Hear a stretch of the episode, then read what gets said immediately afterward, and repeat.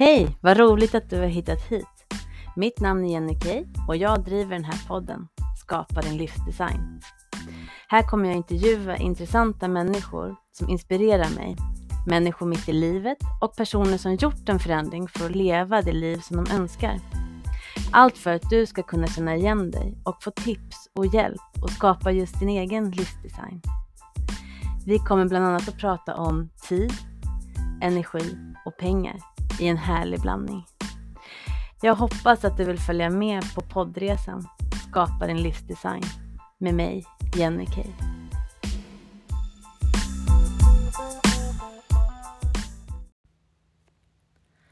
Att kommunikation är viktigt när du drar dina gränser, det är ju kanske inte någon nyhet.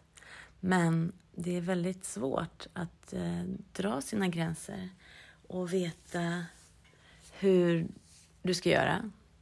Kanske hur du ska kunna säga nej. Hur du ska kunna be om mera tid.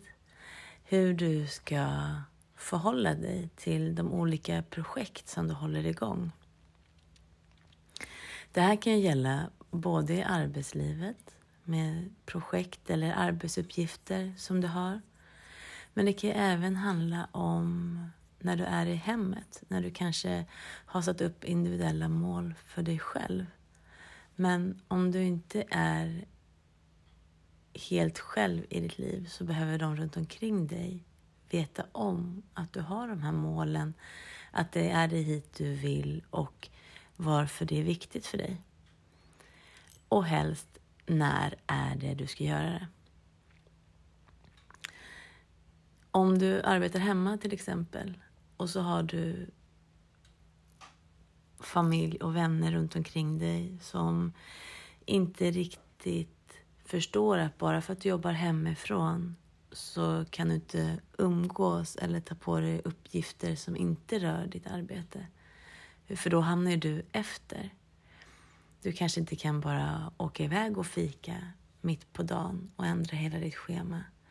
Du kan inte heller hålla på och tvätta och fixa i ordning hemmet samtidigt som du jobbar.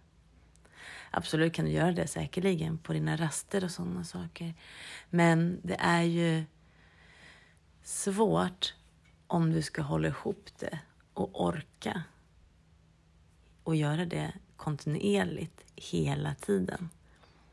För absolut, det är väl inte så svårt att hänga upp en tvätt eller sätta igång diskmaskinen och plocka ur den. Men å andra sidan så om du arbetar intensivt och sen så ska du ha raster. Är det verkligen det som du vill spendera din rast på? Och inte bara om det är det du vill spendera din rast på. Är det det du får energi av för att sen sätta dig ner i ett nytt block och arbeta? Om svaret är nej, då skulle jag göra om. För det är inte så att du skulle på din arbetsplats sitta och jobba intensivt framför datorn. Och sen när du har paus, då ska du gå och tvätta företagets handdukar och se till att de hängs upp. Och nästa gång sätter du dig och jobbar igen och nästa paus, ja, då ska du gå och plocka i och ur diskmaskinerna och se till att kylen är snygg och städad och skriva upp vad du ska handla till frukosten till arbetet dagen efter. I mina öron så ger inte det jättemycket energi. Och när jag säger att du gör det på din arbetsplats, då kanske det ger dig mera perspektiv. För hemma tänker du att du är lite effektiv, du är produktiv, nu hinner du med mycket. Men det du i själva verket gör, det är ju att du lägger på ytterligare stresspåslag och du låter inte hjärnan få den här extra energikicken. För det du helst ska göra, det är att göra någonting som ger dig energi. Så att du kommer tillbaka till den där skrivbordsstolen och känner att wow, nu, nu kan jag jobba. Eller ännu bättre att du kanske hade kört fast lite när du gick på din rast tog någon varv runt huset, bara fem minuter. Eller bara upp, ställa dig upp och bara skaka loss, studsa lite. för att få lite ny energi. Eller bara sätta på en jättehärlig låt och bara ta en kopp kaffe i lugn och ro och inte tänka på någonting annat som är bekymmersamt, utan bara glada saker. Det här är ju ett dilemma för många som arbetar hemifrån. Att de äger sin tid, de vet vilka arbetsuppgifter de har.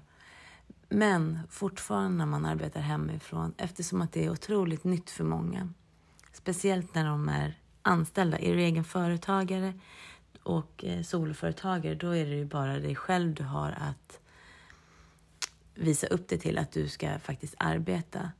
Men om du är anställd och sitter hemma, då är det lätt att hamna i det här eh, den onda psyken att oj, nu kommer det ett mejl, nu måste jag svara på en gång. Eller oj, de måste se att jag verkligen jobbar. Så det som cheferna är oroliga för, att man kanske jobbar mindre. De flesta anställda är oroliga för att de kanske tror att jag inte jobbar tillräckligt. Vilket går hand i hand. Cheferna är rädda för att folk inte ska arbeta. Anställda är rädda för att, det ska, att de, cheferna ska tro att de inte arbetar. Vilket blir en ond cykel. Så här för att du ska äga din tid och känna att du kan verkligen ta raster som du skulle göra på arbetet också och, inte, och också att man kan fokusera på en sak i taget och inte känna att du behöver hela tiden sitta vid mejlen. Att den ska vara uppe och störa dig hela tiden för att det plingar. Det är ju att ha supertydliga arbetsuppgifter, supertydliga deadlines. Det är egentligen ett jättestort eh, krav som jag skulle ställa. Att jag vill veta exakt vad är det du förväntar dig av mig. För det är klart, när man arbetar hemifrån, då blir man ju mindre störd av kollegor som kommer och frågar och annat som liksom händer runt omkring. Det kan vara kunder som kommer in som man behöver vara behjälplig till. Även fast man inte egentligen ska vara eh, den som är utåt mot kunden så kan det ändå komma in kunder som man ska träffa och, och vara trevlig mot när de andra är upptagna. Den delen slipper du ju. Så att du kanske sparar in lite tid och sitter man helt själv och superfokuserad då är man ju effektivare. Så är det ju, att man inte blir störd. Men för det så kan man ju inte hela tiden gå med det här orosmolnet att de andra tror att jag inte arbetar. För det kommer inte vara hållbart. Och i och med det så behöver man ha då tydliga uppgifter, tydliga rutiner och helst då, det som jag förespråkar, att man inte ska vara på mejlen hela tiden. Om det såklart inte är att du sitter i en kundtjänsttjänst eller något liknande så att mejlen är ditt arbetsverktyg. Att du hela tiden sitter och betar av mejl. Då är det din arbetsuppgift. Då är det klart att du ska ha mejlen uppe. Men vi allra flesta har inte mejlen som vår arbetsuppgift utan mejlen är en kanal som kommer in. Och då kan det också vara väldigt bra att ha tydliga eh, förutsättningar att säga till sin chef eller sina kollegor också, om du är chefen. Att när jag sitter hemifrån, då arbetar jag fokuserat och så tittar jag på mejlen direkt på morgonen, innan lunch, direkt efter lunch och klockan tre. Om det är så att du behöver kolla på mejlen så ofta. Det kanske du behöver ifall att du är ansvarig. Medan ifall att du är eh, inte är ansvarig, då kanske du bara behöver två kolla på mejlen två gånger. Kanske strax innan lunch för att slippa ha den här morgonchecken. För ifall du tittar direkt på morgonen så kan det också bli att du blir uppäten av olika problem och du hamnar efter i vad du egentligen ska göra. Men det där måste man sätta i hela sitt team, att man har ordentliga, en ordentlig kommunikation med vad förväntas av dig. Och också att man kommunicerar rakt ut att jag kan inte vara på mejlen hela tiden. Brinner det någonstans i en arbetsuppgift, lyft telefonen och ring. För då vet man att man behöver svara. Men att sitta och ha de här eh, mejlen öppna, det är inte effektivt, har det visat sig i flera studier. För det är ju inte bara de viktiga sakerna som trillar igenom, utan det är lite allt möjligt. Och de här slingorna som kommer som man skickar till alla men egentligen kanske bara behöver vara en som, som behöver ha den informationen. Men man ser, ser alla för man tänker att det kan vara bra att de vet det. För om en fråga kommer någon gång så är det bra att de har hört det. De mejlen tycker jag inte ska få florera. Men det är ett annat avsnitt. Jag tänkte speciellt mycket på kommunikation eh, inför jag skulle skriva min brors tal. Min bror gifte sig här i helgen, i lördags. Det var ett fantastiskt bröllop. Och eh, det jag ville skicka med dem, det var ju såklart mycket gratulationer och lite om hans bakgrund och sådana saker. Eller deras bakgrund såklart. Men även om kommunikation. För det är ju så lätt över linje med hela livet egentligen. Att man tror att man kommunicerar rakt och tydligt. I ens eget huvud är det ju så självklart vad det är man vill, när det ska hända, hur det ska göras. Men för mottagaren så är det inte lika självklart. Och ju längre tid man arbetar med varandra eller är tillsammans med varandra så är det så lätt att man tar det andra för givet, att den ska förstå. Den ska bara veta vad man säger. Eller att, det kan också vara att de tror att de har sagt saker och ting som inte riktigt har kommit fram. Så mitt, ett av mina eh, tips till dem är att prata så att en treåring ska förstå. Om du kommunicerar som treåring förstår, då är du mera säker på att du får med alla detaljer och inga frågetecken.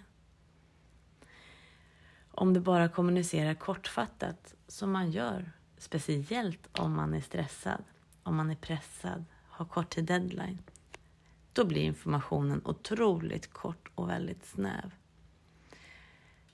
Ibland så är den som kommunicerar också lite uppjagad och stressad i hela sin kropp så att mottagaren inte riktigt vågar, kan eller hinner ställa sina motfrågor så att den är helt glasklar innan personen i fråga har gått iväg. Och hur tydlig det än är så kan det vara så att mottagaren inte förstår. Så där har vi det bra att kommunicera så en treåring förstår. Lägg dig på detaljnivå så att det inte ska finnas några frågetecken. Och sen så är ju en superviktig sak det går inte bara att ha envägskommunikation och sen dra vidare och tro att det är helt glasklart. Du måste ju också få den här återkopplingen med att den faktiskt har förstått. Det många gör här, det är till exempel att man upprepar så att mottagaren bara säger ja. Men det jag gör, det är oftast att jag frågar mottagaren. Ja, vad var det jag skulle göra nu nästa vecka så att du behövde hålla ställningarna? När var det du behövde hålla ställningarna här nästa vecka? För att jag skulle iväg. Då måste mottagaren också tänka vad jag har sagt och att det implementerar ju i deras minne också. Att du har sagt det och då när de säger det högt så blir det en till förankring. Såklart ifall att man ska ge bort eller vara borta och sådana saker så är det ju bäst att skriva in i kalendern och skicka en kalenderinbjudan. Men om man säger olika typer av projekt och när man har deadline-möte då är det inte alla som har de här eh, mål deadlinesen, de små deadlinesen, eller uppgifterna. är det inte alla som skickar eh, mötesinbjudan på eller att det här ska vara klart här i sina kalendrar. Utan det kanske är ett pågående projekt över tid.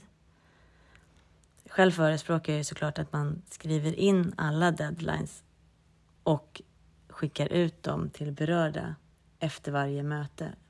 Så att, man, så att alla har den deadlinen i sin kalender. Men det är ju en av de bästa världarna man har det. Då blir det också supertydligt. Då skriver man ju upp alla punkter och så.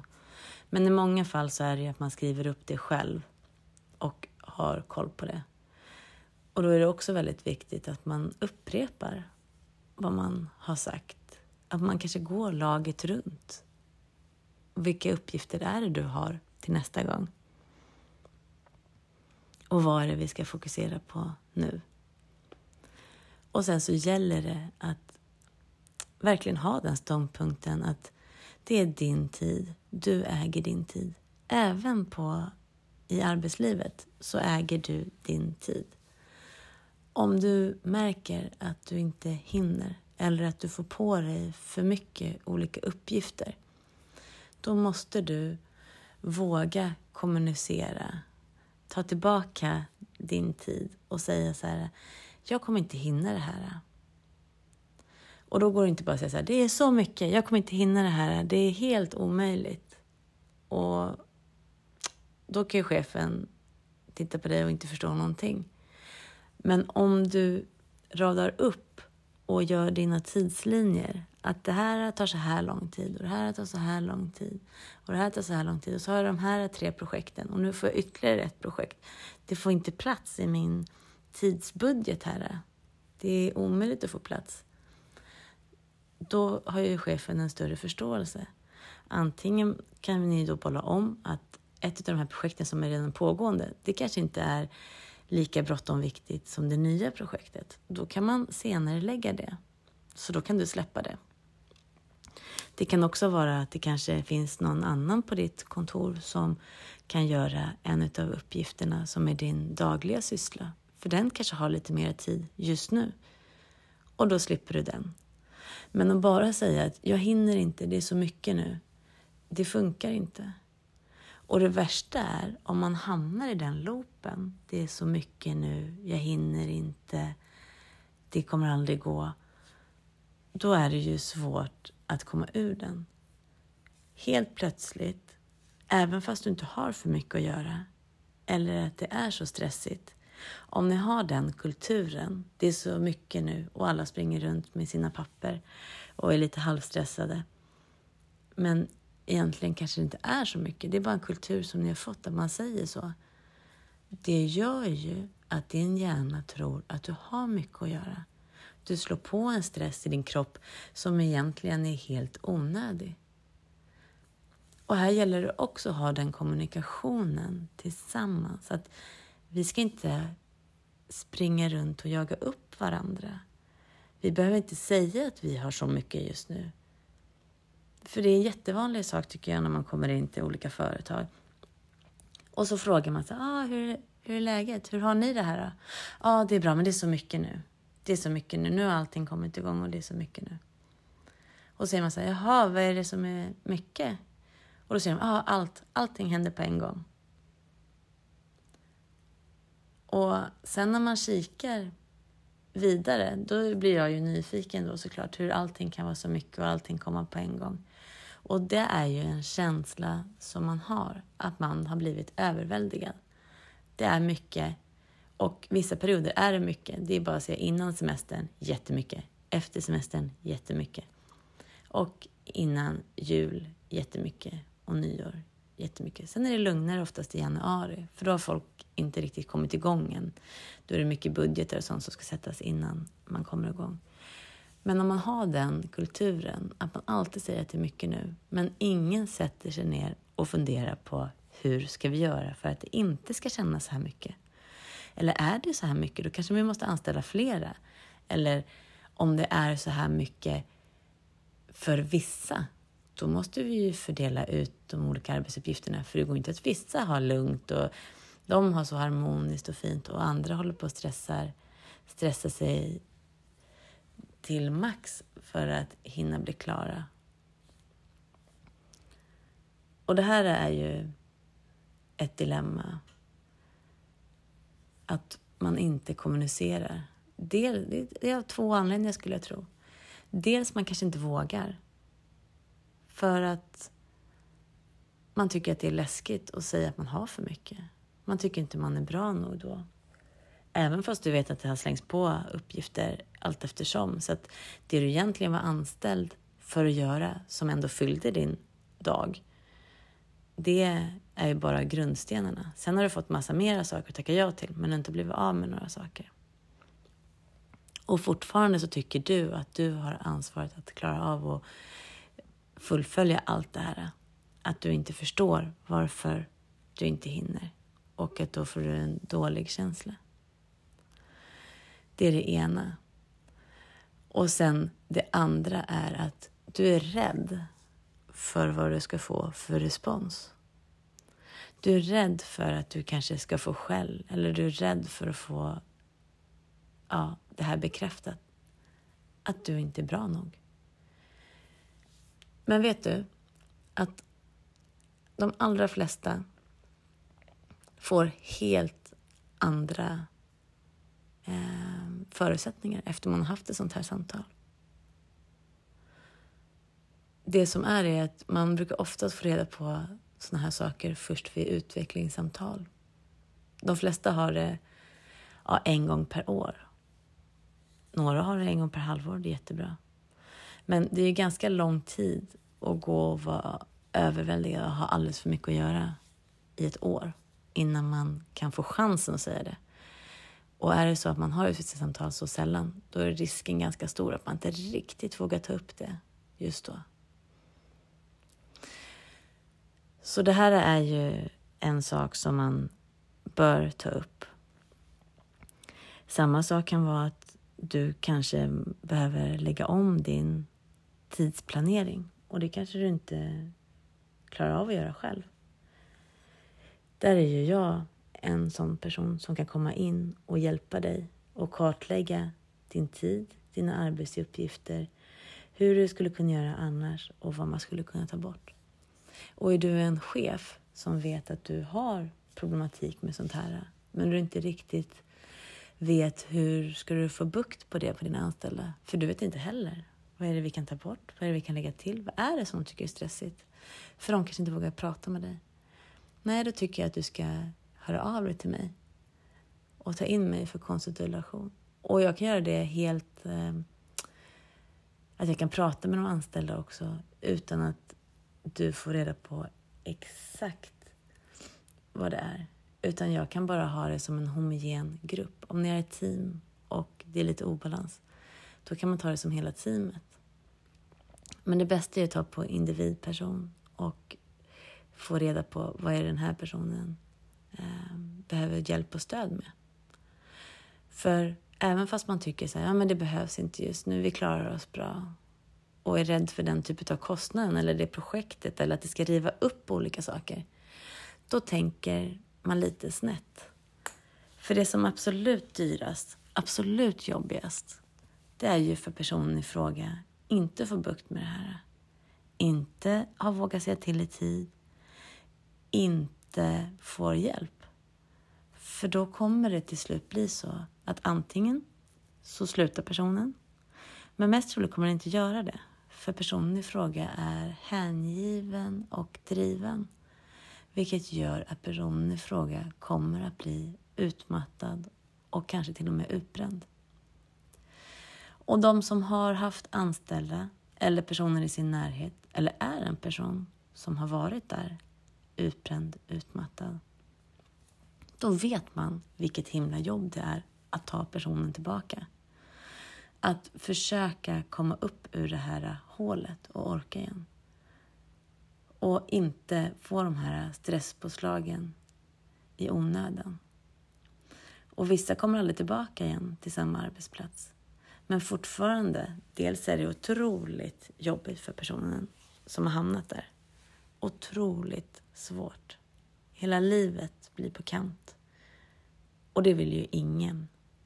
Varken att man själv ska hamna där eller sina nära eller de i ens företag. Men sen så är det otroligt kostsamt. Dels så är det ju att du behöver betala ut sjukersättning. Det är att du behöver lära upp någon annan. Det är också att du behöver skola in den personen tillbaka sen igen i företaget. Och då som sagt behöver man göra det i små steg. Så ta tag i det här i tid, i förebyggande syfte. Det skulle jag säga är otroligt, otroligt viktigt. Men det är många som inte gör det. Och det roliga i kråksången, det är ju att det är ju med små, små medel som man kan göra stor skillnad. Ofta behöver man inte ens ta bort arbetsuppgifter. Om du har fått på dig väldigt mycket arbetsuppgifter så behöver du göra det. Eller om du har kanske gått ner i tid, att du har jobbat 100 procent, du går ner och är, eh, att man har 80 eller 75 procent för man är förälder och fortfarande har kvar sina arbetsuppgifter. Då kan det vara att man behöver ta bort saker. Rent logiskt, ifall du jobbar färre timmar så kan du inte ha exakt samma arbetsuppgifter. Det där är också en otrolig kvinnofälla, att man hamnar i det. Och många chefer tänker inte på det och kvinnorna säger ingenting för de är så tacksamma över att de har fått gå ner i tid. Så de kämpar på, driver på och de ju, blir så himla effektiva. Men också, det slår ut att det, det blir baktungt till slut. Till slut orkar de inte alla, hela vägen. Så ta kontakt med mig och få en sån här plan och utvärdering. Och kanske att vissa personer behöver ha eh, egen coachning i det här. Eller att man behöver ha coachning i det på sina konferenser som kommer nu. Att man får en liten insikt, lite aha-upplevelser. Och ofta är det att många vet om redan vad man egentligen bör göra. Men antingen är det att man inte vågar, man har inte tid att göra den förändringen. Förändringar är jobbigt. Så även fast det blir en positiv förändring så kan det vara jobbigt i början.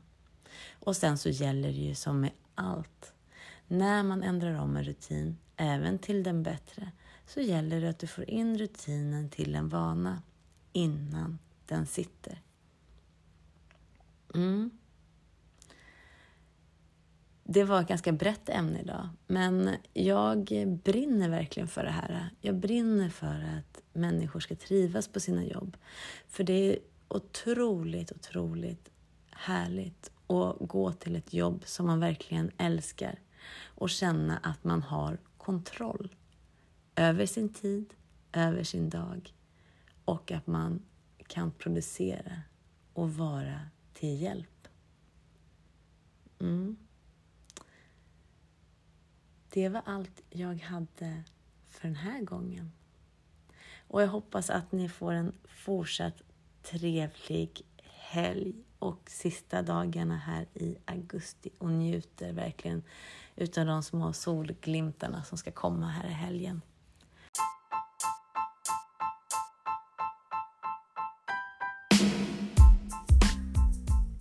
Jag vill verkligen tacka dig av hela mitt hjärta att du har lyssnat på det här avsnittet.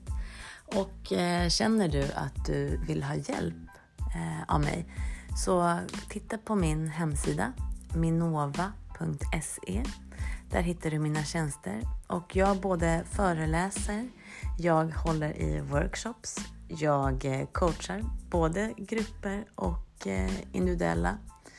Och där är det samma sak. Jag coachar både på privata sidan, om du är som privatperson, men jag coachar även eh, företag, även individuellt och hela, hela team. Och eh, som sagt var, det jag brinner för är att man ska få ihop eh, tiden, få tiden att räcka till och komma framåt i sina projekt.